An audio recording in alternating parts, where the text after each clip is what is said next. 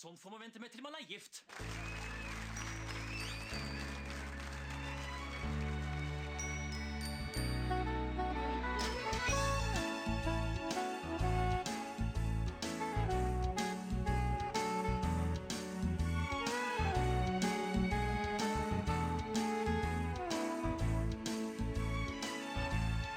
Hallo og velkommen til en ny episode og sesongfinalen av Norsk film filmpodkast. Der hvor vi hele vår og sommer har sett norsk film med et kritisk, men kjærlig blikk. Eh, navnet mitt er Emil. Jeg sitter her som alltid med. Stefan heter jeg. Og sola skinner utenfor vinduet vårt. Dette her er vel den varmeste dagen hittil i Trondheim. Over 30 grader. Litt som vi Hawaii i Oslo, eh, hvis dere husker den. Men det er ikke dit vi skal i dag. for på en så varm dag så er det vel ingenting som passer bedre enn å se en julefilm fra Stavanger. Vi har nemlig sett filmen 'Mongoland', regissert av Arild Østin Onundsen fra 2001. Jeg bare lurer på kanskje det var best om du tok den reisen alene. Konseptet er tro, håp og kjærlighet. Damer de er faen ikke til for å høres på. De skal kjøres. De skal kjøres hardt. Jeg er dødsklar. Jeg vil bare knulle. Naturen sant, har spilt meg et lite puss, og evolusjonen har eh, fucked opp! Så at vi lever av å formidle gatas elendighet og liksom sosiale problemer. Se på meg, da, for faen. Jeg er nødt til å ha oppvaskhansker på jobben. Ja, men gi nå faen i hele fucking Oslo, da. Der er gratis alkohol hele kvelden. Og kan du kanskje si litt først sånn, hva, var, hva var grunnen til at vi valgte akkurat Mongoland til eh, sesongfinalen? Eh, nei, altså Det er jo uh, det, er vel, det er jo en klassiker. Altså, det er jo en av de, de som virkelig kickstarta norsk film tidlig på, eh, på 2000-tallet. Og hva ble det? Det var en liksom undergrunnsfilm hvor både Pia Tjelta og Kristoffer Joner liksom ble store. Hvor de ble oppdaga. Og Vegard Hoel, ikke minst. Som dessverre gikk bort altfor tidlig. Å ja, er det sant? Ja, det er han, det er Ja, som spiller med, Vegard, ja. med den Mm. kosten i Ja, det, det, det, det var jo synd. Så denne episoden her kan jo på en måte bli dedikert til Vegard Hoel. da. Eh, Det var jo sånn Stefan sier at jeg husker jo godt da Mongoland kom. eh, Siden da var jeg 11. Vet ikke om du husker den filmen? Da var du kanskje et par år yngre enn Ja, var jeg vel ti eller noe sånt? Mm. Nei, ni kanskje? Jeg husker liksom at Jeg fikk jo veldig følelsen da at Mongoland var et veldig sånn friskt pust inn i norsk film. Og på podkasten her så har vi jo ofte konsentrert oss om tidlig 2000-tall som en sånn brytningsperiode i den norske filmkunsten. Hvor eh, norsk film ble mye mer selvsikker. Den ble litt mer ungdommelig, kanskje. Litt mer frisk. eh, Litt mer sjangerorientert. Litt mer amerikanisert. Litt mer vellykka. Eller det er i hvert fall den offisielle historien.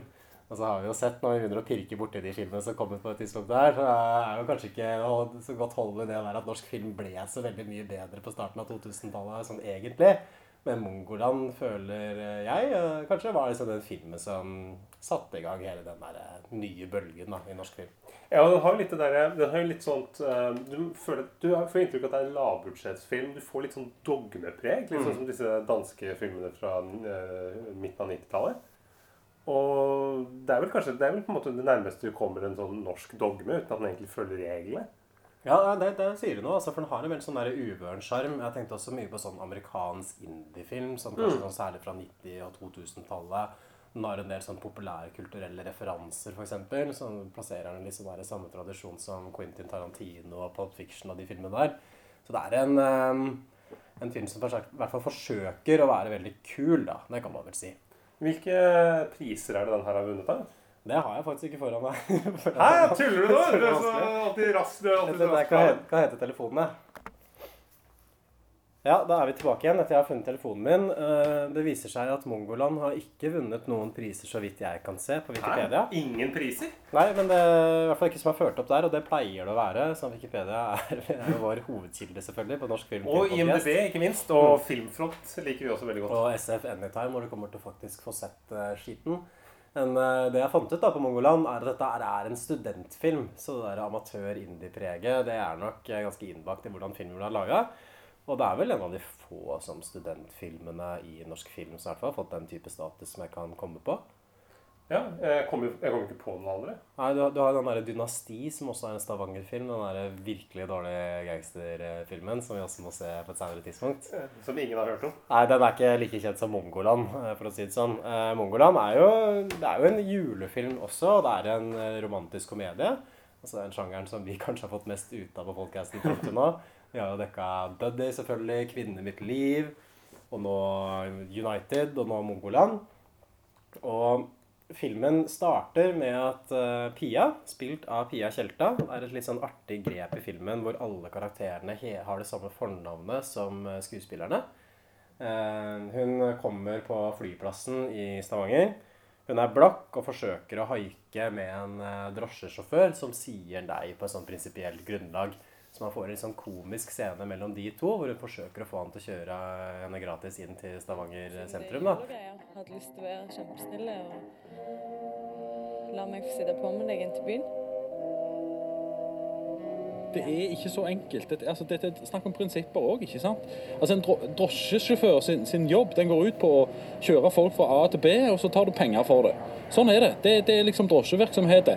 Og eh, da, da kan du ikke bare plutselig begynne å kjøre folk uten å, å ta penger for det. Det, det, kan, det kan undergrave hele virksomheten, det. Og det ville vært veldig ukollegialt av meg det, å, gjøre det. Altså, det. Det er ikke for å være kjip, altså. Jeg, jeg skulle gjerne vært grei, jeg. Men, Jeg ja. ja, det er ikke for å være kjip, altså. Du, forresten. Kom her litt. Var du sammen med Kristoffer? Ja. Så du husker meg allikevel? Når du sier det så, så tror jeg piker jeg gjør det. Er du sammen ennå? Nei, eller Jeg vet ikke. Jeg håper det. Jeg har vært ute og reist i et halvt år, så jeg har ikke sett ham på Så det er rett og slett gjenforening til jul? Nei, det kan jeg like. Det liker jeg. Ja, det, det syns jeg er passelig romantisk. Jula, familien og Ja, det, det liker Ja, det kan bli romantisk. Så da kjører du meg likevel, da? Nei, det kan jeg ikke gjøre. Men uh... Hun spiller jo på at du er deilig, og derfor skal han måte kjøre henne. Og at de gikk i klasse sammen. Men han, eh, han sier at uh, Han har veldig sånn lang utgreining om hvorfor han ikke kan kjøre henne. Ja. Han skulle gjerne gjort det, men han kan ikke gjøre det. Nei, men Prinsipielt, for det å kjøre kunder for betaling, det er jo jobben hans. Hvis han først begynner å kjøre folk gratis. Så Og det skjønner jeg jo. Jeg jeg egentlig et helt fair poeng. Det er jo på en måte, Du ber jo ikke, ber jo ikke noen eh, liksom, musikervenner om å spille i bryllupet ditt, eller noen du kjenner, eh, noen regnskapsfører om å gjøre Å regnskapet gjøre ditt. regnskapet ditt gratis, da. Nei, det er på en måte det samme. Så det er jo, Hun har lite respekt for yrket hans. Det syns jeg er dårlig tegn. Mm. Men hun får jo til slutt skyss med en eller annen fyr som kjører sånn lite sånn tog Sånn, vet du, sånne, små sånne sommertog som at du kjører rundt i sånne småbyer Ja. med sånne kalesjer over og Han er jo også utkledd som en julenisse, og det er vel også en julenissekarakter som kommer litt sånn der igjen gjennom filmen. Det viser seg jo også at han er julenissen etter hvert. Det kommer vi komme tilbake til eh, hvordan det plottet utvikler seg. Og det kommer jo også fram at hun Pia har vært ute og reist et uh, halvt år. At hun har et forhold med Kristoffer, da spilt av Kristoffer Joner. Og at det forholdet er ganske usikkert. At hun er liksom på vei inn til Stavanger for å feire jul. Og er lurer litt på, da. ikke sant? Klarer hun og Kristoffer å plukke opp tråden igjen? Ja, og det, det det hele handler om, er jo at hun prøver å finne Kristoffer. Mm. Dette var jo før du hadde liksom sånn Facebook og, og mange sånne ting. Så det er jo det er litt, det er litt vanskeligere enn det det er i dag. Ja. Så hun begynner vel med å, å banke på hjemme hos Kristoffer. Mm. Så viser det at Kristoffer bor ikke der lenger. Han har flytta. Nei, han har flytta ganske mange ganger, viser det seg, selv om hun bare har vært borte et uh, halvt år. Skjønner jeg det. Men før, før dette her så får vi jo sånne fortitler. Eh, Det er en ganske sånn fin, eh, fin låt, syns jeg. Jeg likte egentlig veldig godt soundtrack til filmen. Veldig Ja. sånn romantisk og fint. Og jeg må også si at jeg jubla faktisk da jeg så navnet til Kyrre Haugen Sydnes i fortitlene. Så det sier kanskje litt om hvor ødelagt mitt hode har blitt av å se en norsk film. Eller å gjøre denne podkasten her. At jeg, jeg ser liksom navnet til Kyrre Haugen Sydnes og bare Yes! Da har vi innhold til podkasten. Det var den første i norgeshistorien som har jublet over å se det navnet. Han eh, er, spiller jo i Hodejegerne. Det er vel det eneste som vi har sett med han tidligere. Og så spiller han jo også i Pax i pilotepisoden vår. Ja, Men han har, jo- han har han ikke andre småroller? Ja, han er i 'Kvinnen i mitt liv' òg, som en av de eh, vennene til han blinde fyren. Ja, stemmer det. Så hvis man liksom tar en sånn her statistikk på hvem som er til flest filmer, sett at vi liksom holder den podcasten her gående i ti år, da, og så skal vi regne sammen hvilke skuespillere er det vi har sett mest av, så er det ikke mulig at Kyrre Haugen Sydnes er også kommer seirende ut. altså. Ja, For å ta en referanse for de over 80 år, så er det jo eh, dagens Ulf Wengård. Mm. Som spilte veldig mange småroller i norsk film og komedie. Nei, Den referansen tar ikke jeg, så det er jo veldig for de Han drev Norsk Smårolleforening i en årrekke. Han var eneste medlem. Vi får også en sånn tilbakeblikk. eh, en slags sånn bruddscene mellom Kristoffer Joner og Pia Kjelta. Og det som er et sånn interessant grep i filmen, er at eh, tilbakeblikkene er i farger, mens nåtiden er filma i svart-hvitt. Og det syns jeg var litt sånn spennende, fordi vanligvis så er det jo omvendt. At man har tilbakeblikk i svart-hvitt, og så er det nåtida farger. Hvorfor tror du liksom man har gjort det grepet som det har gjort? Tror du ikke det er bare for at uh, vi, nå gjør vi det litt spennende, og gjør vi det motsatt her? Det er en- altså, det er en veldig lett måte å bare å virke litt original. Og så Dessuten så syns jeg jo dette her jeg synes det gjør seg godt i svart-hvitt. Det er ikke en sånn derre det er ikke en sånn der glatt svart-hvitt. Den er litt sånn kornete, litt sånn, eh, litt sånn filmaktig. Det er ikke noe sånn brødrene Cohen-brødrene svart-hvitt. Nei, det er, det er sånn håndholdt kameraføring. Ganske sånn løs og ledig kamerastil, føler jeg. At Nå skjønner liksom at kameramannen har på en måte bare sveipa ut av det som er interessant. og ikke sånn er forhåndsplanlagt så mye. Og så merker du at hvis det er, hvis det er natt ute, så er det dårlig lyssetting og ko, veldig kornete. Ja, det er det, er ordentlig, ordentlig mørkt, ja. Så det er ikke noe det er, det er, Jeg tror det er lite, lite budsjett på sånn eh, lyse og, og lyd og sånn her. Ja, og det gjør jo også det at filmen får en sånn egen romantikk. For Mm. ofte så er det sånn her med sånn kornete svart-hvitt-bilder at man får en slags sånn nostalgi. Og jeg syns det som er interessant, liksom at den nostalgien på en måte plasseres i filmens nåtid heller enn i fortiden. Mm. At det er et eller annet sånn plottmessig med det. At det er på en måte i nåtiden skal ordne seg. ikke sant? Fortiden er jo sånn vond og vanskelig. Disse tilbakeblikkene, særlig mellom Kristoffer Joner og Pia Tjelta. ikke sant? De har et brudd. Mens det er på en måte nåtiden. Det er det som er den romantiske perioden. Det er da de skal finne hverandre og starte, starte sitt liv. Um, vi får også en veldig fin scene tidlig her, hvor vi på en måte introduseres for eh, gjengen til eh, Pia Tjelta og diskuterer om vi skal dra på en sånn lille julaftenfest eller ikke. Så her stifter vi bekjentskap med kanskje særlig han eh, Geir, var det det han het? Han som spiller Vegard. Vegard. Vegard han der, Vegard Hoel. Han, det er jo er bestevennen til Pia Ja, Tjelta. det er bestevennen til Pia Tjelta. Ja. Og Marco, som er en sånn der eh, jævla fyr. Som han, Marco Kanik, som har spilt i Tomme tønner, blant annet. Ja, han er liksom gjengens gærning, på en måte. Ja, Han vil dra på festen fordi det er gratis alkohol. Mm. Gratis alkohol, det er gratis alkohol. Ja. Han. Gjentar veldig det igjen og igjen og igjen. Jeg syns kanskje det ble litt vel sånn insisterende. Det at han hele tiden sånn "Men Kom igjen da, gutta! Det er gratis alkohol! Det er gratis alkohol! Mens han alltid klippa til han, og han egentlig bare sa den replikken Jeg syns ikke det var litt gøy. Jeg syns det var eh, komisk. jeg. I, I starten og Dette her er jo kanskje litt sånn en forvarsel på det jeg synes om filmen også. At filmen har en del liksom sånn fine så karakterobservasjoner, men det gjentar ofte de observasjonene ekstremt mange ganger. Altså innenfor hver scene. Men jeg synes akkurat den scenen her så var jeg veldig med. Jeg synes at Det var en veldig sånn naturlig og fin stemning. altså At det var god dialog. Fin klipping mellom masse ulike sånn nærbilder av de forskjellige folka. Lykkes å etablere karakterene ganske tydelig. Ja, og det, det som skjer nå, er jo at eh, Pia blir med hjem til han bestekompisen, han Vegard. Og eh, hun er jo kald, og kommer det sånn dialog om noe brunost og sånn. Så det er vanskelig å få tak i brunost i utlandet. Og en, en, eh, en ganske morsom scene hvor hun eh, får låne en av Han går i sånne rutete flanellskjorter, hvor hun får låne en flanellskjorte av han. Og så sier han at ja, den her har han hatt siden sjette klasse. Og så lurer jo hun selvfølgelig på hvordan han greide å holde den skjorta så bra. Og han har jo et veldig godt tips. Og det er at han vasker på 40 grader. Så der får du litt sånn mer klestips, og det er kanskje noe man trenger også hvis man er liksom i starten av 20-åra og ser ja. Mongoland. Så har man kanskje nettopp flytta for seg sjøl og skal begynne å vaske klær, og så er man vant til å bare kjøre alt på 80 og 90. Skjønner at det er penklærne. De kan vaskes på 40, og til og med ned mot 30 iblant. hvis Ja, ja, ja. Det er ekstra fint. Ja, og sånn ullvask og finvask, og det er forskjellige programmer. Det er bare å lese opp. Det er vel Jo nærmere kroppen det sitter, jo nærmere kjønnsorganene, jo høyere temperatur. Er det ikke det som er regelen? Åh, du er, uh, dette er jo huskeregler som blir jo inn i en egen bok, det her. Og eh, Det etableres jo her at eh, Pia Tjelta har jo kjent han Vegard siden eh, hun var sju år gammel. Vi får også en sånn tilbakeblikk på Kristoffer Joner, som på det tidspunktet gjør, gjør at han framstår som en veldig sånn der mystisk figur. Og det gjør han egentlig sånn gjennomgående også, Kristoffer Mm. Joner. Liksom vanskelig å få tak på. Han er på en måte både uh, ut, veldig utadvendt og veldig nevrotisk samtidig. Mm. Og så det, er, det er en sånn scene hvor han eh, inviterer Christopher Walken, den liksom kjente amerikanske skuespilleren. Ja, det, det er det- jo, det er jo da liksom Da, da han uh, sjekka opp eh, Pia Tjelta, var gjennom en sånn Christopher Walken-parodi. For de som ikke veit hvem Christopher Walken er, så er han på en måte en sånn kultskuespiller. Han spiller bl.a. i 'Hjortejegeren', også en veldig god film som heter 'King of New York', eh, hvor han spiller hovedrollen. Som er kjennetegnet at han har en veldig sånn rar måte å framføre replikkene sine på. Sier sånn 'Hey, how you doing?' doing? Eller sånn den der svenget sånn oppover der. Som Kristoffer Joner da parodierer. 'Bjelleklang i snøen'. Jeg drømmer. Hvite jul. En sånn som det pleide å være før.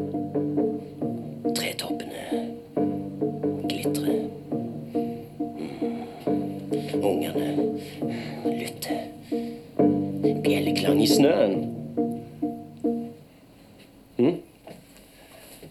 Så hvem det var? Kom igjen. Ja, du så hvem det var, ikke sant? Nei. Så prøvde han liksom så jævlig hardt der. Han ga seg liksom ikke. Han var helt oppsatt på at jeg skulle skjønne hvor jævla løgn han var. Altså klipper jeg her på en ganske sånn fin måte mellom Pia Tjelta i svart-hvitt, som husker tilbake på dette her, og Kristoffer Joner i farger. Så det liksom impliserer en eller annen sånn form for dialog mellom dem. Mm. Bare gjennom liksom klippen og gjennom montasjen, som jeg syns var veldig sånn effektivt og fint grep. Ja, og det, og det er noe vi kan, eh, som jeg tror har gjort at den filmen her eh, ble så populær, er at eh, det er jo mye film fra før den tida her som er i hvert fall i Norge veldig sånn filma teater. ikke sant? Det er veldig mye som Du utnytter ikke filmmediet til fulle. Men her så er det virkelig en sånn slags sånn filmkunst. Du kunne ikke satt opp Mongoland på Oslo Nye Teater. Det går ikke. Ja, det er, det er en sånn stilistisk eh, bevissthet ja, at man liksom tenker litt over filmen, og liksom hva filmen kan gjøre, hva man har lyst til å få til med det. ikke sant? Også det, det greier liksom at filmen går på en måte mellom fortid og nåtid på den måten som den gjør. Og det er jo en ting som vi har etterspurt også med en del annen film vi har sett, at ofte så er det filmatiske på et veldig lavt nivå. At man har gode skuespillere, og til og med ofte i mange tilfeller ganske greit manus. Men når det kommer liksom til det formmessige og formspråket og bruken av lys, ikke sant? komposisjon, bilder, farger, klipping Alt det der er ofte på et veldig lavt nivå. Mm. Og i så måte så syns jeg Mongoland eh, i hvert fall griper meg ganske godt altså, i anslaget. Ja, det synes jeg det er noe av det sterkeste ved den filmen. Vi, vi fortsetter vel, for da, da kommer da det, hele, det fortsetter vel bare med at Pia prøver å oppspore Kristoffer. Og drar rundt til forskjellige folk som da er mer enn villige til å fortelle Som ikke vet hvor Kristoffer er. Som bare leder henne videre til, til et eller annet annet menneske. Mm. Men som samtidig da forteller veldig mye om seg selv. Er veldig liksom tenker, er, ikke- Bryr seg ikke så veldig om hvor Kristoffer er, og bryr seg ikke om hennes situasjon, men veldig opptatt av seg selv og hva de holder på med. Ja, Det blir liksom som en sånn der, uh, sosial turné. Og syvende far i huset, på en måte. Ja. Mm. Ja, men jeg inspirert av det? Jeg tenkte også litt på, på sånn detektivfilmer, og til og med sånn film som Citizen Kane, ikke sant? som er bygd på samme Ja. måte at det er noen som går rundt og leter etter noen. Og underveis i den letinga så blir man introdusert for et sånt rikt persongalleri, hvor alle liksom har sine ene sånn nykker og finurligheter. Det er Pia. Wayne, Hei. god dag. Jeg ser Stian, jeg. Stian, Uh, han er ikke hjemme. Han er på Rose uh, Gartnery, tror jeg. Ja. Gikk for en stund siden. Egentlig så leter jeg etter Kristoffer. Christopher. Ah, det er jo Pia, ja. Det Ja. er du som har Pia, right. Ja, nei, han er flyttet ut. Han bor ikke her lenger. Det er lenge siden. OK. Ja. Men vent litt. vent litt. Du kan, eh, jeg er akkurat ferdig med bilen. Har du lyst til å sitte på? Jeg kan kjøre deg ut til Stian. Han vet helt sikkert eh, hvor Kristoffer er henne. OK. Kjøre den. Det etableres jo også et sånt B-plott her med denne bestevennen Vegard. At han har dame, Silje, som er spilt av Silje Salomonsen. Som jeg egentlig syns er en veldig fin eh, skuespiller. Eh, Så skinner det vel gjennom ganske tidlig at han Vegard har egentlig følelser for Pia Tjelta. At han er forelska i henne. I hvert fall sånn som jeg tolka det. Hva Mm. du tenkte? Jeg, jeg, jeg, så ikke den, eh, den så tidlig. Nei. Jeg tenkte mer at han, at han var litt mer sånn derre Han slår meg som en sånn litt sånn eh, En sånn skik- skik- skikkelig sånn nerd. En litt sånn inneslutta, litt sånn veik type. som på en måte som liker å spille backgammon og uh, gå med litt sånn rare briller og Ja, han er ikke noe sånn alfaen som Kristoffer Joner, som spiller i band og liksom strør om seg med Kristoffer Joner-invitasjoner? Nei, han her er mer eh, han, han jobber på et museum. Det er, det er en fin scene hvor han, hvor han står og liksom setter opp et sånt dinosaurskjelett. Og Ja. trer på liksom de kulene som det skjelettet er satt sammen med. Mm. Og da spør denne arbeid, arbeidskollegaen eh, sin om eh, om, ja, om en, en kompis av ham som ikke får pult, og hva, hva slags råd burde jeg gi ham? og Ja, for dette her blir jo en viktig sånn plottgreie i filmen også, for det kommer jo fram at Silje og Vegard ikke har ligget sammen, selv om de har data i sånn tre-fire måneder eller hva det er. Ja, Det er ikke Silje så veldig fornøyd med, men uh, han der Vegard han er tydeligvis mer enn glad nok for det. Ja, han har noe sånn, men han har noe sånn komplekser rundt det her med seksualitet. Så jeg er Mm. litt sånn usikker på Man kan jo nesten liksom lese det sånn tidlig. Jeg lurte på sånn, er han rett og slett homofil. For han har en litt sånn homofil framtoning, kanskje. Um, er det fordi at han har en uh, kroppslig usikkerhet? Er det fordi at han er så forelska i Pia Tjelta at han ikke klarer å prestere med en annen kvinne? Men et eller annet er det i hvert fall. Um, vi blir også introdusert for en sånn skalla rapper som spiller i en gruppe som heter West Coast Allstars. Og det er jo for deg. Du er jo en slags sånn rappertype. ja, jeg også er jo en hiphoper, hiphopper, sånn som Thomas uh, Rusiak og Sebastian Stigar i Switch. Jeg er en hiphopper, yes I am. Og han klager at han ikke har noe å rappe om i Stavanger. Fordi liksom i Oslo, i, særlig i Uniten, da, ikke sant, hvor eh, ja, Han bruker et ord som jeg ikke har tenkt å eh, gjenta her, men N-ordet. Hvor de faktisk har det hardt, ikke sant, så har man noe å fylle hiphop-låtene med. Men i Stavanger så skjer det for lite. Så dette var jo før eh, han der Kevin Lauren, vet ikke om du kjenner til han? Han gangsterrapperen fra Stavanger. Jeg Han som var med på Paradise Hotel. Han snakker alltid om at han har PTSD, for eksempel, fordi alle tingene som han har opplevd, ikke i Stavanger, men i Sandnes, på gata der. Og liksom representerer trencha, som han kaller det, altså skyttergravene i Sandnes. Så ja, vi kanskje peke litt fram mot uh, den type hiphop, da. Et nytt prosjekt for tida. West Coast Allstars. West Coast er liksom vestkysten og ikke Oslo. Så vi liksom alle de lokale rapperne prøver liksom å gjøre noe sammen, legge ned stridsøkser. Er det mye, mye konflikter? Ja, det har jo vært litt faenskap, altså. Det har jo vært, eh, det har vært mye dissing og mye tull. Dissing? Disrespekt. Å ja. Så, men eh, nei, det er klart det er jo ikke så mye å rappe om her i Stavanger, liksom. Det er jo sant, Vi lever jo av å formidle gatas elendighet og liksom sosiale problemer, liksom. Så det er det gjerne ikke så mye av. da. Det er noe helt annet enn i Oslo, altså. Sant, det har de jo Det har de jo skikkelig kriminalitet. Det er morsom, syns jeg, den karakteren. er bra. Ja, ja, og det er liksom en av flere. At du har jo også han derre Stian som Kristoffer Joner har spilt i band med tidligere, og som nå er en litt sånn der eh, forsmådd kompis. At de har ikke så mye kontakt lenger. Og han er, driver og jobber som gartner og liksom veldig opptatt av de blomstenes ve og vel. Du har også en karakter som heter Wayne, som er en sånn norsk-amerikaner som jobber på bilverksted. Ja, Han driver fall fikser opp en sånn gammel Ford Mustang og, den- og snakker veldig sånn pessimistisk type og klager bare hvor, over hvor dyrt det er i Norge. og Han virker som han har jo alvorlige depresjoner, den fyren der. Mm. Han sliter skikkelig.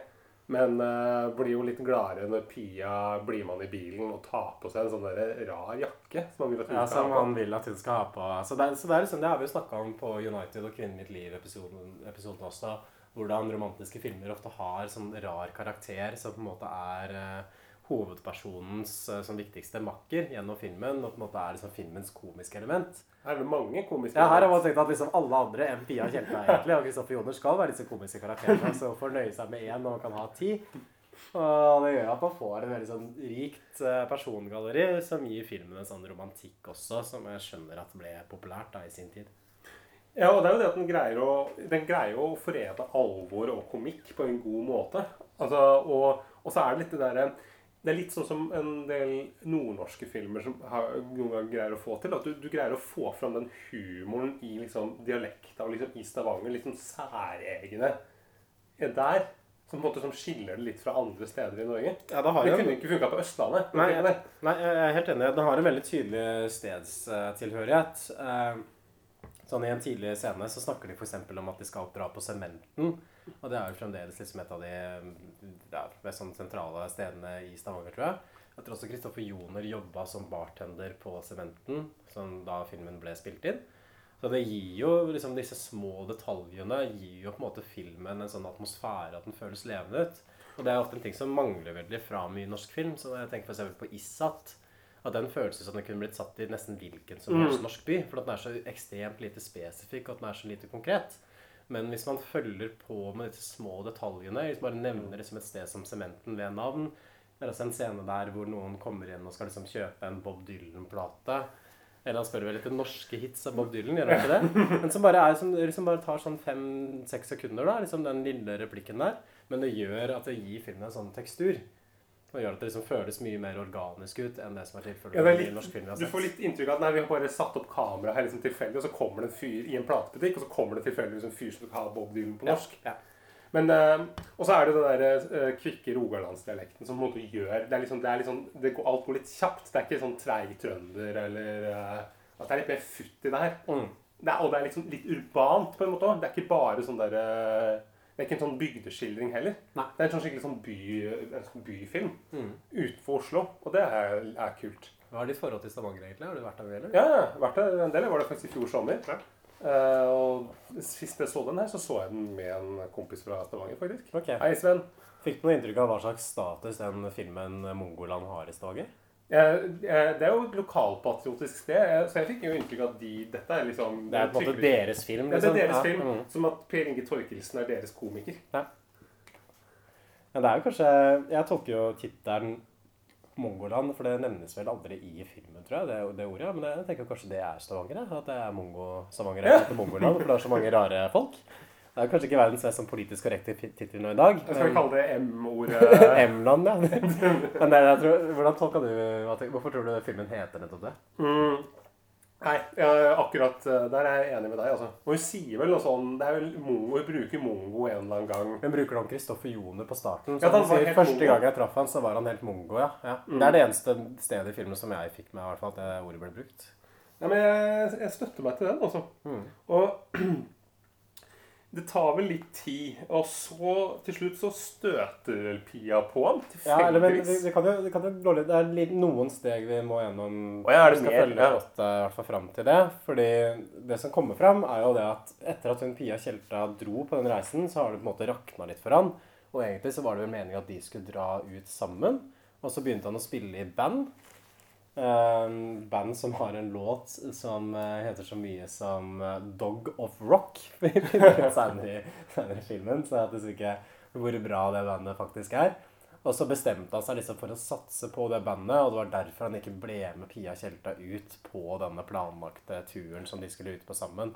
Og det er derfor hun også har vært borte et halvt år uten ham, var liksom at han skulle satse på det bandet. Men vi får jo inntrykk av at det er mer at han har fått kalde føtter pga. forholdet, egentlig, enn det bandet. Ja, fordi det bandet gikk jo litt i, i vasken òg etter at hun dro. Fordi han Kristoffer Joner utvikla liksom skrekk for fly, tog og bil når de skulle ned til Oslo for å møte med plateselskap. jeg skjønner jo at Stian er rimelig sur på Kristoffer. På en måte Ja. Som å stå på det jævla gartneriet i stedet for å spille gitar i Oslo. Ja, Stian er jo bandkompis, Ja. og at eh, Kristoffer Joner også på en måte bare har droppa litt ut av hele gjengen.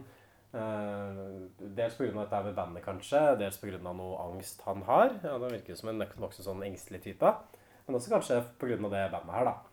Um, det er også en scene hvor Vegard har med seg Pia Tjelta på et dokkemuseum. Det er vel det museet der han jobber, kanskje. Det er sånn Hermetikkmuseet eller et eller annet sånt. Ja. Og så forteller han liksom en sånn historie om noen sånne dokker der. Som man som seer da, i hvert fall skal skjønne egentlig handler om hans forhold til henne. Han sier liksom at ja, her har du den dukka. Hun hadde en eh, barndomskjæreste, men også en venn som hadde elska henne hele livet. Og så kunne hun ikke bli sammen med barndomskjæresten likevel, så da ble hun sammen med vennen sin. Og så skjønner hun at det er jo den vennen, det er jo Vegard, og barndomskjæresten er Kristoffer, og dukken det handler om, er jo Pia Tjelta. Um, det er jo litt sånn en dyster framtidsvisjon som han legger fram her. For det ender jo vel med at hun dukka er dopa ned på sovepiller. Og at det er slik hun kommer seg gjennom hverdagen med å ha mista sånn egentlig kjærligheten sin. Så jeg, jeg, jeg forstår ikke det at Pia Tjelta ikke skjønner hva han skal få til her. Det er mulig å være så korka og tett at du kan stå og høre på det der. Også, også et menneske som har kjent siden, siden man er sju år. Og når en seer som bare liksom sett en karakter der i ti minutter skjønner tegninga, så burde kanskje hun ha gjort det. Ja, men det, det jo, den Pia Tjelta-karakteren er jo ikke så veldig Vi blir jo ikke så veldig godt kjent med den, egentlig. Nei, Det er ikke så mye er litt, dybde. hun er litt vag, ja. Hun gjør jo ikke sin livs største rolle her. Nei, jeg syns, den rolleprestasjonen hennes fungerer, men Det er ikke hennes skyld, det er mer manuset, kanskje. Ja, men det er, det er jo et eller annet med at hele filmen handler jo så mye om Kristoffer Joner. Mm. At eh, Kristoffer Joner er jo på en måte sånn derre Det fraværet som på en måte strukturerer hele handlingen, er at han ikke er der. ikke sant? Mm. Når, hvor, når, hvor er han? ikke sant? Når får vi møte Kristoffer Joner? Hvor er Kristoffer? Bla, bla, bla. Og det, hun har jo bare sånn plottmessig funksjon om at hun egentlig bare leter etter han, og det er det hun holder på med. Så da er det jo nærliggende også at liksom, Kristoffer Joner kanskje blir den mer sånn interessante karakteren. I tillegg til at det jo er Kristoffer Joner, da, ikke sant? som er en av de mest interessante skuespillerne som har levd i Norge noensinne. Oi, det Ja, men han har jo den, den, Hva med Rolf Just Nilsen, eller en en av de beste. Så jeg- men, men han har jo Er du ikke enig i det? At han har jo en Mm. ekstrem tilstedeværelse og liksom evne bare til å gjøre seg sjøl interessant. Og liksom den der fomletheten. han, Men det er det, han gjør jo mye av filmen. Det er det som for min del også gjør at den filmen er veldig severdig. Det er jo, det er jo takket være han. Ja. Det blir sånn som Anthony Hopkins i 'Silence of the Lambs'. ikke sant? Eh, Han er vel bare på skjermen i et kvarter, tror jeg. I den filmen så vant han fremdeles beste hovedrolle. Eh, Oscar så er den skuespilleren som er kortest på skjermen og vunnet den prisen. Og Kristoffer Joner blir jo ofte titulert som hovedrolleinnehaveren i Mongoland. Det er som Terminator 2, egentlig. Ja. Med Arnold Schwarzenegger. Mm. Jeg, jeg, jeg, jeg tror nok han Geir Hoel Jeg tror han er mer på skjermen enn det Ja, men det er Vegard. Vegard. Geir! Det er Geir Karve. Han er en annen fyr. Gjør, gjør Hoel. Jørn Hoel. Nei, men jeg, jeg tror nok eh, han eh, Hoel, eh, Vegard Hoel er mer på skjermen enn det Kristoffer Ja. Er, hvis du hadde tima det. Ja, ja, men du tenker jo men du tenker jo fortsatt at det er eh, Kristoffer som er hovedkarakteren. Eh, det er sånne, sånne der drømmer med, med han derre julenissen, at jeg liksom kommer litt igjen. Og julenissen liksom sier til Pia Tjelta Kan ikke du si at du tror på meg? Si at du tror på nissen. Og så ender det opp at hun gjør det da i den drømmen. Og um, Ba sier at han, uh, julenissen at han skal gi henne en presang. Og det viser seg da å være Kristoffer Joner som står med en sånn løvblåser. I en park. I en park, Nei, ja. eller mer en skog, egentlig. Ja. Mm. Og blåser løv. Det er litt rart hvorfor han er der og blåser løv. Mm. Jeg skjønner ikke helt hvorfor du skal blåse løv i en skog. Nei, det kan man jo si. Men jeg, jeg tror det at han står med løvblåseren, det er jo For det blir sånn en litt sånn artig effekt av det. Fordi han står jo, når de møtes igjen, så står han liksom med den løvblåseren i trynet på Pia Tjelta. Så håret hennes begynner liksom å bølge tilbake pga. den vinden. Så det er sånn slow motion Ja. Eh, Så Det er fint. Og det, det er jo sånn romantisk komedieklisjé, ikke sant? med vind som går gjennom håret. Mens her gjør de på en måte litt sånn, der, litt sånn ironisk nikk til den klisjeen. Fordi man forklarer liksom at han står med sånn løvblåser. I stedet for at det har en sånn stor, viktig bakgrunn som du ikke ser. Og roter, det. ja. Og hun blir jo, hun blir jo sint på han, for han begynner jo bare, han begynner jo bare å le. Og, bare, og er litt sånn, det er litt sånn fraværende og litt sånn unnvikende. Ja, okay, det er liksom ikke han dritglad for at du er der. Nei. Han er mer sånn litt, han er litt avmålt, mens hun er jo pissed. Mhm. Eh, Det blir jo litt sånn anstrengt møte, ja. Eh, Jeg, får jo inntrykk Jeg, jeg syns jo at Kristoffer Joners karakter framstår egentlig ganske dårlig i den filmen. her At han framstår som veldig selvopptatt. Og egentlig bare opptatt av hvordan det går med han og det bandet. Og så er det liksom Pia Tjelta hele tiden som forsøker liksom å få han tilbake og vinne han over til seg. Så hvorfor hun gidder liksom å gå så veldig mye etter han fyren der, det er litt sånn uklart. Bortsett fra at liksom det er Kristoffer Joner, og han har en viss sånn sjarm, da. Men øh, nei, men det er jo også i veldig mange romantiske komedier at du ikke helt skjønner Jeg skjønner ikke helt liksom hva, hva hun ser i han. Mm. Men så, han har jo en utstråling, da. Ja, men det er liksom i mitt liv også. Hva er det Andal Torp ser i Thomas Men den er verre, den er tynnere. For Thomas Giertsen har jo ikke utstråling. Ja, der er jo Thomas Giertsen en sånn aktivt jævlig figur. Og han er mye mer på skjermen også. Som i Mongoland så ser man jo bare sånn Kristoffer Joner sånn 20 minutter, kanskje. Så det er sånn begrensa hvor kjip han kan framstå. Sammenligna med sånn derre derre vepsebola problematisk atferd som Thomas Giertsen utviser i 'Kvinnen mitt liv'. Men eh, de, de avtaler i hvert fall at de skal treffes på den der juletrefesten til eh, hun Elin, da, som holder den. Og det blir jo liksom et sånt høydepunkt i filmen, hvor alle de her karakterene som vi har møtt gjennom filmen, møtes i en sånn stor uh, Ja, samles der, ja. Det, er, det blir en veldig lang scene også. Jeg tror den varer sånn opp mot en halvtime nesten av spilletiden til filmen. At filmen varer kun i åtte minutter. Men jeg mener at den, den festen starter sånn omtrent halvveis inn. Og så har du sånn lite etterspill etter det på flyplassen og sånn. Og da kommer jo han der Marco Kanik, han kommer jo mer til sin rett her, og du skjønner jo at han er jo et rasshøl. Han Mm. er som vil ha gratis alkohol. Ja. Han, eh, det første han burde gjøre, er jo å dele ut pils eh, fra kjøleskapet og si at all pilsen er hans. Og så tilhører det han fra West Coast Allstars, han skal være rapper. Og bare si bare ta hvem du vil, og Du, Marco. Marco. Marco. Du, jeg ble så jævla tørr i kjeften av den der julegløggen. Gløggen, ja. Satan helvete, Du. mann. Har du øl, eller? Om jeg har øl? Ja. Selvfølgelig har jeg Har øl? mann. Jævlig bra. Hele døra er jo min. Alt det her. Så brunt! Men du kan ta en av de her hvis du vil. Iskald. Hvor mye skal du ha? Ikke ei krone. Ikke en krone. Den er nøttebrun. Ja, men det eneste jeg ber om, ser du, det er at jeg kakker deg et par ganger i skallen med den her, så får du, får du pilsen. Det er sånn løknas. Stavanger løknas. Forstår du? Ja. ja. Du driter i det? Hvor mye skal du ha? Nei, nei, nei, du skjønner ikke. Jeg skal ikke ha noe penger, mann. Jeg skal bare slå deg to ganger i skallen med den, så får du den.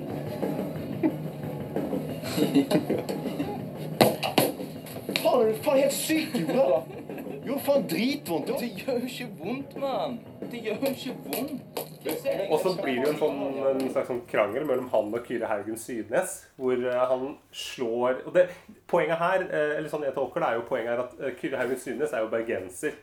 Så vi skal jo på en måte latterliggjøre litt det at bergensere er ikke humor, er på en måte sånne seriøse typer. Fordi Marco Kanik sier at du kan få en øl hvis jeg får lov til å slå deg to ganger i skallen med det balltreet her. Mm. Eh, noe Kyrre Haugen Sydnes eh, sier at nei, nei, det, du kødder nå. Og så slår jo selvfølgelig Marco ham i huet likevel. Og da blir jo Ja. Kyrre, Kyrre klikker jo, han blir helt gæren. Mm. Så det, blir, det, det er en ting som går igjen, som har fl- flere scener på det der. Det er også noe med han der Marco igjen, da, hvor han skal eh, fyllekjøre med bilen til han Wayne, han amerikanske Den flotte bilmekanikeren. Ford Mustangen. Og det er, er en ganske morsom replikk. Man sier vel at amerikanske biler er langt for å drikke og kjøre. Drikke, kjøre, drikke, kjøre, drikke, kjøre. Det er, det er liksom hans teori, da, at amerikanske biler er særlig velegnet til å kjøre. Og, og det blir, blir en del sånn derre Nesten som en slags sketsjer, liksom, satt rundt denne festen. At vi følger på til kvelden, klipper liksom mellom sånne ulike historielinjer internt. Uh, det er også mye som går på Pia Tjelta og han uh, Vegard. Uh, men hun konfronterer han med dette her om han egentlig har hatt sex, eller om han er jomfru. Og da får man en veldig merkelig scene hvor de to står ute ved den dammen der. Hvor han kommer fram at han er impotent, er det ikke det? Eller Jeg tror det. Han sier i hvert fall at hvis jeg liksom Han eh, fomler i underbuksa, og så er det sier at, det er, at den er defekt. Ja, men han, er mener, han, han sier liksom det at penisen hans er en, en vanskapning, og dette sier han igjen og igjen. Og så Pia Kjelta, hva mener du? Hva mener du? Vannskapning? Funker den ikke? Hva mener du med det? Og så ender det liksom at man liksom tar av seg underbuksa, og så viser liksom penisen til henne. Ja, men se på den, da. Ser, ser du ikke at den er vanskapt? Ser du ikke at det er noe feil? Og så tar hun jo bare og drar inn. Ja, hun tar på den, og da får han ereksjon med en gang. Så det er jo noe snodig her. Ja, han har noen voldsomme sånn kroppskomplekser, sånn kroppsdysfori nesten. Det er på grunn av På grunn av den. Hva med den? På grunn av den. Ja, hva med den? Naturen sant, har spilt meg et lite puss, og evolusjonen har eh, fucked opp! Sant? Så det er en, det er en jævla vannskapning. Sant? Den virker ikke. Virker ikke hva Jeg forstår ingenting, Vegard. Jeg skjønner ikke hva du mener. OK. OK.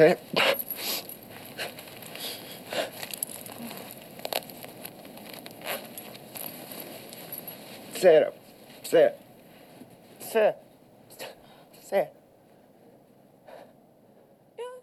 Ja.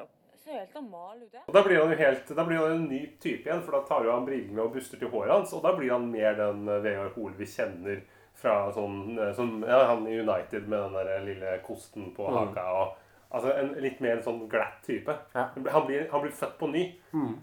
Så er det vel en scene hvor han, han ligger med kjæresten sin og begynner å, å gnåle med at uh, han kanskje skal begynne å smake på litt Ja, for det- for det- flere viner. Ja, men det, det skjønte jeg heller ikke, den samleiescenen. Jeg kan dvele litt med det. Fordi det klipper liksom til at han går ut, og så sier han at han skal finne Silje. Etter han har liksom stått der og grått over at han syns at penisen hans er så motbydelig og forferdelig. Så jeg, jeg, Bare det, jeg skjønner ikke Hva slags type kompleks er det? Er det en sånn vanlig sånn psykologisk tilstand? At for meg så framstår det nesten som for ekstremt da, til at jeg helt klarer å tro på det. Jeg har aldri hørt om det der, men eh, er det Og så skjønner jeg ikke helt hva, hva det Altså, han, han må jo ha prøvd å onanere en gang, og Ja, og dette her er liksom sånn samtale som man tar opp med Pia Tjelta, som har kjent siden hun er sju, og at hun ender opp med å ta ham på pikken. At det er, det er veldig rart. Men tror du han var forberedt på at hun skulle ta ham på pikken? Nei, men ville hun gjort det liksom i en sånn setting? Sånn der, hva slags vennskap er dette dette litt full og tatt seg noen øl og en gratis gløgg og Ja, jeg veit ikke hva som skjer i Stavanger på lille julaftenfestet der, men det er i hvert fall eh, noe ganske annet enn det vi holder på med på Hamar. Det blir- det- det blir liksom sånn at filmen kicker opp et sånn der absurditetsnivå nå. At det blir liksom, alle karakterene blir så ekstremt karikerte og merkelige. da. Og etter det her samleiet også med Silje, så skjønte jeg ikke helt hva som skjedde. Fordi hun sitter jo med ryggen til, og han sitter liksom med ryggen til på andre siden av sengen. Og så sier hun sånn Ja, det går bra, ikke tenk på det. Så jeg tenkte jo da kanskje at han ikke hadde klart å få få han opp likevel.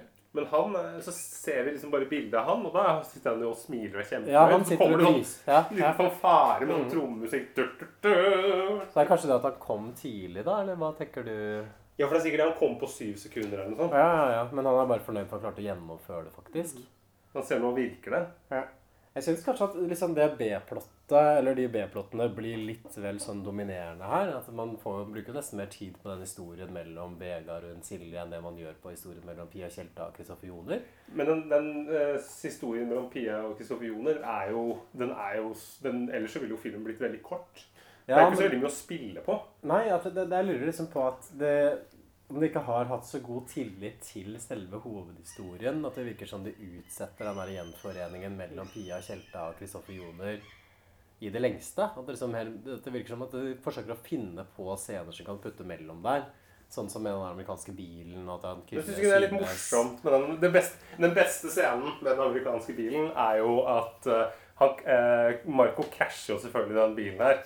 Og da kommer det jo en gammel kjenning tilbake igjen. For de må jo, eh, de må jo kjøre, for han har jo kjørt langt. Og det, da kommer jo han gamle taxisjåføren da tilbake igjen. Som selvfølgelig skal ha betaling for kjøringen. Og Marco vil jo ikke betale for kjøringen til tross for at han har vraka bilen til Wayne. Så det ender vel med at han der Wayne må betale han der irriterende taxisjåføren. Ja, og kaller kalle han et eh, jævla jødesvin. Den stolpen sto bare der og venta på den bilen der. Han trengte det, jo det. Nei, Jesus Christ, du skulle faen bare tatt meg for at det var jeg som kjørte, og ikke noen Takke deg, din så du kan betale for Hallo, en hold an, taxibillett. hold an, hold an, hold an.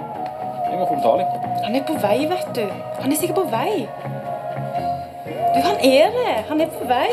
Ja, han er sikkert det. Han er nok på vei. Du får bare ta deg sammen. Hente deg inn. Tommy, hente meg inn. Jeg kan ikke hente meg inn med noe ennå. Du kan starte med å betale meg, så Ja, Marco, du kan betale den fastest du er ute. Marco, du må forpinke deg.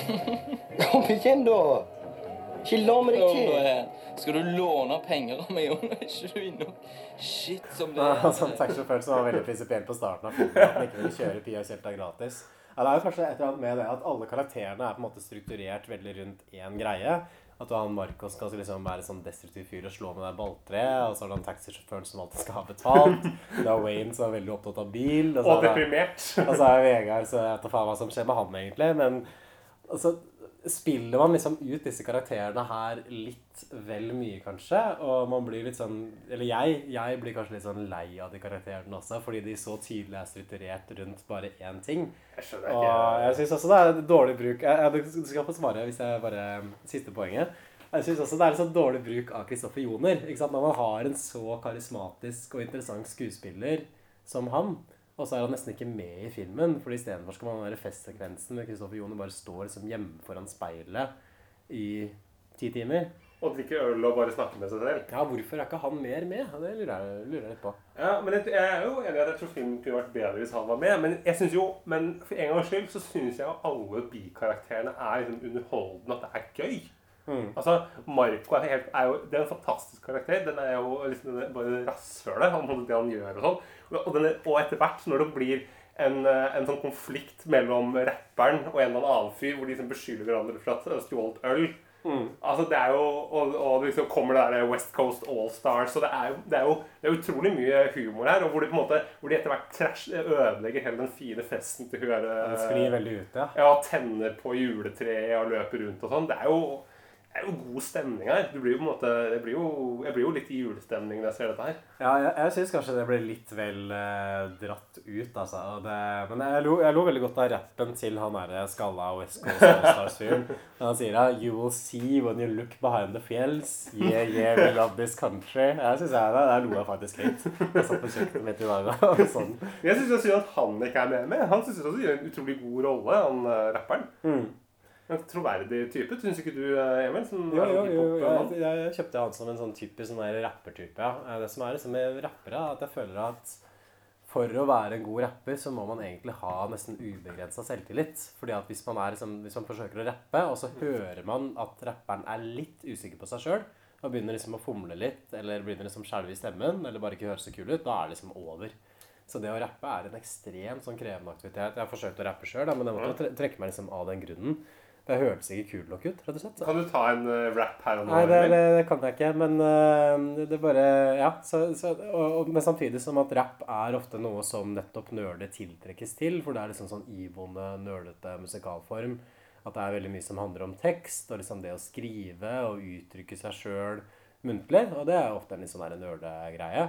Så da får man mange liksom middelmådige amatørrappere, som han fyren fra West Coast Allstar, som forsøker å rappe sjøl, selv om de, liksom, de har det ikke i seg i det hele tatt. Ikke sant? De, er ikke, de er ikke rappere, rett og slett. Ikke sant? Men fordelen er jo at han sikkert kan gjøre det greit i Stavanger, for det er ikke så mange om beinet. Det er ikke så mange konkurrenter. Nei, i hvert fall før liksom Kevin, Lauren og liksom de gutta der begynte å herje rundt. Så ja. Kristoffer Joner også spiller jo i det bandet. Og det, det er jo en sånn gjennomgående tema, det der tilbakeblikkene også, at han er veldig liksom nervøs for den gruppa. Og jeg synes det blir litt sånn der, Igjen så framstår han som veldig selvopptatt, for han snakker om det der jævla bandet sitt nesten hver eneste scene som han er med i. Og det blir jo veldig sånn typisk sånn kjønnsdynamikk, hvor Pia Tjelta egentlig bare må støtte opp og liksom bygge opp ego til Kristoffer Joner. Han snakker liksom om at han skal liksom turnere her, og liksom ha selvtillit på scenen der. Og hun bare Ja, men du får det jo til, Kristoffer. Du er så flink. Altså, flinke. Så det er, er Ja, hva, hva, hva, ja, for det, hva slags interesser har hun annet enn å, å reise? Vi skjønner jo ikke, vi vet jo egentlig ingenting eh, om henne. Nei, og det, det, det er også veldig sånn uklart hvorfor Kristoffer Joner egentlig dumpa henne i utgangspunktet. Er det bare for at han er liksom plaga nevrotisk type, eller er det liksom noe mer som stakk bak? Ja, jeg har en følelse at disse her de er ikke sammen igjen noen, eh, liksom, noen måneder Eller noen, noen år etter at filmen er spilt inn, så er ikke de sammen lenger. Ja, nå kommer jo Mongoland 2. Har du fått med deg det, eller? Nei, men den kommer ikke likevel. Den kommer ikke likevel, Hoel døde. så Den kommer ikke. Å ja. Ok. Det er synd, da. Nei, nei, nei. Det er jo dumt med Vegard Hoel. Ja, det hadde vært et perfekt film for oss. Ja, det er dumt hvis han hadde levd litt lenger. Mm. Sagt. ja, men hvis bare han hadde holdt på litt til, så kunne vi spilt den episoden. av Ah, Mongoland 2. fantastisk. Um, jeg synes En ting som jeg likte veldig godt i den delen av filmen, at jeg var kanskje ganske kritisk til andre halvdel, som kanskje skinner igjennom nå. Men jeg syns det var et veldig sånn fint flashback til eh, 17. mai. Den der 17. mai-scenen. Jeg vet ikke om du beit deg merke i den? da? Hvor da Kristoffer Joner og Pia Kjelda som står og kysser. Ja, det, Men der ser du oppriktig forelska ut. Ja, og det er veldig fin sånn håndholdt kameraføring. At det ser nesten ut som en sånn der hjemmevideo som bare noen har filma. Jeg syns stilen er nok det jeg likte best, tror jeg, med Mongoland. Sånn jeg så den nå. Um, det, er mye, det er mye sånn dårlig kjønnsdynamikk sånn generelt. At han uh, Vegard oppfører seg altså ganske jævlig både mot hun Silje og Pia Tjelta. Mm. At det er jo etter at Silje og han har ligget sammen, så begynner han liksom å snakke om vin, som kanskje man skulle ha testa litt sånn annen vin.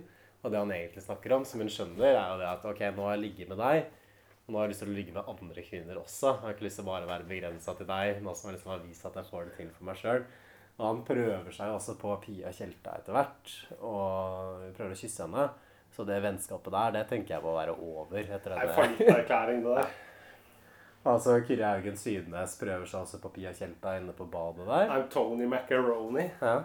sier han. Alle begynner å bli veldig, veldig drita. Og mm, det neste som plott-elementet som kommer, er at han julenissen som er til drømmen til Pia Tjelta, og som også kjørte henne inn til Stavanger sentrum i starten av filmen, bryter inn, og så kommer til Kristoffer Joner. Kristoffer Joner har bare stått foran speilet i leiligheten sin og forsøkt å manne seg opp for å dra på den festen. Og så får han liksom Kristoffer Joner til å, å, å dra dit. Mm. Og liksom gjenforenes da med, med Pia. Ja, og kommer med masse hjemmebrent og sånn. Ja. Men uh, her er det også en, lang scene fordi de gjenforenes jo ikke likevel. Fordi Pia har jo bestemt seg for midt i denne kjipe julefesten å dra. Til England? Ja. Og eh, han er jo, han er jo fomlesen, han er Kristoffer, så han bare han vet ikke helt hva han skal gjøre. Men da kommer jo Vegard inn og hjelper til. Og Mm. får tak i han derre taxisjåføren. Ja. Som sier at ja, jeg kan gjerne kjøre, men om vi har betaling Har vi betalt nå? Så man får den der typiske romantiske komediescenen, eh, selvfølgelig, hvor hoved, mannlige hovedpersonen liksom eh, jakter etter kvinnen og skal liksom prøve å Mm. Unngå at hun eh, drar. Jeg blir sånn overraska hvor tidlig liksom de drar den. Sånn, hvilken film tror du var den første som liksom hadde den scenen, den avslutningsscenen i seg? Sånn 1930-tallsfilm. Ja, Amerikansk ja. Hollywood. Skal, må være det. skal tilbake kanskje til stumfilmer også, fra 1920-tallet. Hvor det er liksom ja, Chaplin som jager etter dama så piano i bakgrunnen. Kanskje med togstasjonen, da. Den ikke var på flyplassen. Ja, det det, det var ikke taxisjåfør heller. Kjørte sånn eh, drosjekusk. Sånn heste, hestevogn. Ja, Det er helt sjukt hvor klassisk den scenen er. Så jeg føler at alle romanske mener vi har sett på podkasten, har jo den samme avslutningen. At er- jeg skjønner at ja, det er deg jeg elsker, og hun er liksom på vei ut. og så må liksom mannen bare løpe etter og Du, kom, kom! Ja, jeg er litt treig, jeg er litt for sein. Uh, Går det ikke så kjapt der? Ja. En Tafatt fyr. Og så er det også en sånn greie at når de skal ut til, eh, til flyplassen der, så kicker liksom den bilskrekken til det er fantastisk. inn igjen. Jeg syns det føles ganske sånn konstruert, egentlig. Og jeg synes det var morsomt, det. Og det beste da er han taxisjåføren tar jo på en måte og sier at, uh, at han, liksom, ja, ja, han er god til å kjøre. og Bare slapp helt av. Han tar liksom en sånn psykolog uh, Mm. Bare legg hånda på skulderen min hvis du vil. Han er den beste, han er den beste karakteren, han taxisjåføren. Ja, Vi kan kanskje rangere karakterene etterpå på slutten av podkasten. Han, må, han må nomineres til et eller annet. Ja. Han må få en pris. Handlingen avslutter i hvert fall med at Kristoffer Jone kommer seg på det der jævla flyet. da. Så er det en sånn scene hvor alle passasjerene synger 'O helga natt'. Litt sånn drømmeaktig sekvens. Og så møter han omsider Pia Tjelta. Og så begynner det å snø, og så er på en måte julemirakelet over. Men vi ser også at uh, taxisjåføren og Vegard Hoel kjører hjem, og Vegard Hoel sier til taxisjåføren at uh, jeg syns du er veldig god til å kjøre bil. Gir ham litt anerkjennelse. Og det absolutt siste vi ser, er vel at julenissen liksom kjører på sleden sin utafor flyet, og så står Kristoffer Joner og råker inn med Pia Tjelta, og så blunker det kamera, og så tar han ned den der liksom fly, flyvinduet. Er flappen foran vinduet. Ja. Og så, så er det over, altså. Da er Mongoland ferdig. Uh, ja, um, evaluering, eller har du noe mer du har lyst til å ta opp? Nei, uh, du likte jo ikke den filmen her i det hele tatt, du. Nei, altså, hva skal jeg si? Jeg syns det er en film som er vanskelig å evaluere. fordi på den ene siden så liker jeg veldig godt den der hjemmelagde sjarmen. Og liksom stilen på filmen og atmosfæren. liksom Måten de jobber på å sette opp eh, Stavanger og de karakterene. Eh, når det er sagt, så syns jeg vel at handlingen blir litt vel tynn. At det bærer preg av litt sånn her idéunderskudd. Syns det virker som de har vært veldig usikre på hvordan de skal løse den historien mellom Pia Tjelta og Kristoffer Joner. Så den havner jo veldig sånn i bakgrunnen av filmens handling. Og jeg syns også mye av det er veldig sånn rart, sånn som han derre Vegard og forholdet hans til Pia Tjelta og hun Silje. At han liksom ser på penisen som en vannskapning, egentlig forelska i venninna si. Og det går jo på en måte ikke noe særlig sted heller. Så nei, jeg syns at det ble veldig langdrygg, altså andre halvdel av filmen. Okay, hva, hva, hva, syns, hva syns du, Stefan? Jeg har jeg har ikke samme problemer i det hele tatt. Jeg syns dette er eh, Altså, dette er jo, det er jo gøy. Altså, det er jo, mors, altså, det er jo morsomme karakterer. Alle karakterene har en funksjon og er, liksom, og, og, er med på å bygge under, opp under det liksom, uh, artige her. Jeg koser meg med å se den filmen her. Og, det, og, og vi har jo ikke snakket om liksom, Wayne blir også sammen med hun som har, det, har ansvar for den festen her. Mm. Som er litt sånn, der, litt sånn enfoldig og veldig sånn glad type. Den Ja. får seg liksom en slags sykepleier som kan passe på han. Mens hun er litt sånn der peppermø, egentlig. Ja. Inntrykk av. Litt sånn jomfruelig Ja. Veldig sånn fra et eller annet sånn, sånn veldig sånn liten øy på Vestlandet sikkert, eller noe sånt. Du har den der litt sånn kristne dialekten. Mm. Som passer perfekt. Nei, altså Men hva, hva tenker du representerer den filmen der nå, i norsk film? Uh, Det er vel det derre Ja, altså det er jo det derre litt mer, litt mer lavbudsjettfilm. At på en måte selv en lavbudsjettfilm kan gjøre det ganske bra fordi at du har helt fantastisk gode skuespillere og et brukbart manus. Ja, for jeg syns at den filmen her på en måte representerer en litt sånn her tapt mulighet for en norsk film. At jeg skulle ønske Ja. at det var mer norske filmer som fungerte på den samme måten. Som liksom hadde den derre indie-stilen. For det som skjer, er jo at norsk film blir veldig profesjonalisert sånn med en gang. Og du får liksom bare sånne svære liksom prestisjeproduksjoner. Og han eh, regissøren har jo gått videre liksom, til å lage filmer som 'Rottenetter', f.eks. 'Knapp' 'Morten i knipe' fra 2011. Monster Torsdag, som er en Ja. slags oppfølger til uh, Moland. Jo, men alle er liksom mer sånne veletablerte, liksom dyre filmer og liksom ikke holdt på den der indie-stilen. Og det er liksom en ting som man savner litt i norsk film. er jo dette sånn ordentlig sånn god, uavhengig film. Ja, og som, og som har dette Som har litt eh, mindre budsjetter, rett og slett. Som Ja. ikke er så, eh, så store produksjoner. Mm. Om ikke alt skal være så jævlig fancy hele tiden. Ja, som er liksom, sånn populærkulturell og er i svart-hvitt og liksom har tid til noen sånne avstikkere og liksom har eh, litt mye sjarm, som Mongoland har. Og de indie-filmene som man gjerne har i Norge, det er sånn som Tomme tønner og Burning og de filmene der som ikke blir Ja, er- funnet gode nok for å få norsk eh, sånn, finansiering fra NFI, ikke sant? Og da må de finansieres liksom uavhengig. Ja, og Problemet med disse filmene her er jo at det, er jo mer en slags sånn Olsenbanden-aktig. At de går igjen over til det veldig kommersielle. Ja. At det på en måte er sånn at du bare prøver å treffe alle liksom, Du prøver å treffe alle med filmen din. Ja, det, det er jo reint som sjangerfilm. Og Ja, sjangerfilm kan være ut liksom Ja, det kan, det kan være fint med sjangerfilm. Altså, Ja, ja. det, jeg, jeg skulle ønske at man hadde flere filmer som Mongoland egentlig i Norge. Og jeg syns det er litt sånn rart at den kanskje ikke satte i gang så mye heller. Eh, Den satte jo på en måte i gang norsk film og liksom kanskje den utviklingen som vi har snakka om. Men sånn, hvis man ser på filmen mer sånn stilistisk og hva den forsøker å gjøre, så syns jeg den ikke har så mange arvtakere som i hvert fall jeg kjenner til. Nei. eh, jeg syns jo det nærmeste du kommer i type film, er jo ja, På en måte liksom en sånn Bent Hamer som går i en litt sånn annen retning. Men fortsatt det er mye mer polert og liksom mer velprodusert enn det her er. Mm. Men det er, den, det er noe av det samme. Det er litt mer, litt mer undergrunn, og du prøver å finne et, eget, et eller annet slags eget språk. Ja. Ja, det, det, det finnes sikkert. altså Det kan jo kanskje være en sånn der, eh, lovnad for sesong to. At du kanskje skal prøve å gå litt dypere ned og se på de filmene som ikke har så høye budsjetter nødvendigvis, eller blir sett av så veldig mange. Og se hvor det fører oss. Jeg tenker også at det er pass- Tranens flukt, kanskje? Tranens flukt, ja. Eller filmen til han der Krutskoff Jacobsen, er det ikke det han heter? Som lager de der trash-filmene om provokatøren. Ja, ja, han er ikke- er veldig hjemmelagd. Ja, er, det, er det bra saker? Jeg vet ikke, men eh, det er kanskje interessant å sjekke ut. Eh, Jeg, jeg tenker også at eh, vi har jo Første sesong så har det jo gjerne vært én figur som på en måte har vært den som filmpodkasten hele tiden har kretsa rundt. Som vi alltid kommer tilbake til igjen og igjen, men som vi aldri blir helt klok på, og det er jo Aksel Hennie. Og vi har faktisk ikke sett noen film med Kristoffer Joner før den her. Dette er den første film vi ser med han. Så kanskje, så kanskje andre sesong at vi skal prøve å kretse litt mer rundt eh, Ja. Kristoffer Joner og ha mysteriet. Se på Skjelvet, Bølgen, siste revejakta. En del Mm. av de filmene hvor han er Naboer, sentral. og det blir liksom Kristoffer Joner-sesongen. Ja, sånn Fire-fem filmer med han, kanskje? Ja, Vi sier oss fornøyd med Aksel Hennie, og så vender vi liksom blikket vårt sånn rolig over på Kristoffer Joner og tar liksom han i skuddsikta. Så det tenker jeg kan være en fin sånn, eh, et fint forsett da, for neste sesong, at det blir Joner-sesongen på NFFB. Skal vi sette terningkast? Er du klar for det?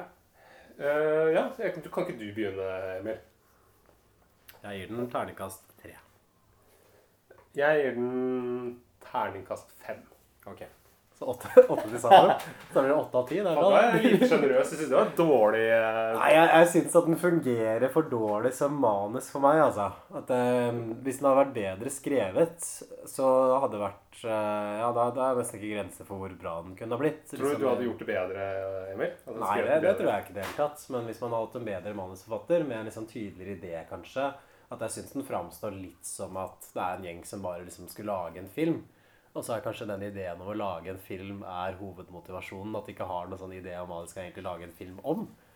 Og da liksom bare kommet på ting og bare Ja, det blir bra, å putte inn det, liksom. Så, men hvis man hadde hatt en litt tydeligere visjon kanskje fra start, og litt mer sånn original premiss, så tror jeg dette hadde vært en veldig mye kulere film.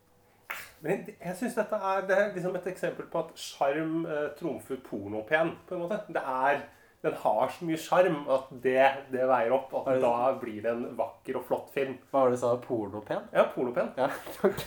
Så dette her er en sjarmerende film? Ja. Hva slags film vil du si er pornopen? Er det Max Manus bestemt? Ja? Max Manus er er pornopen. Og da er jo sirkelen slutta fra Mongoland til Max Manus. Takk for oss. Vi høres igjen eh, til høsten. Farvel, god sommer. God sommer, ja. Se norsk film for alltid.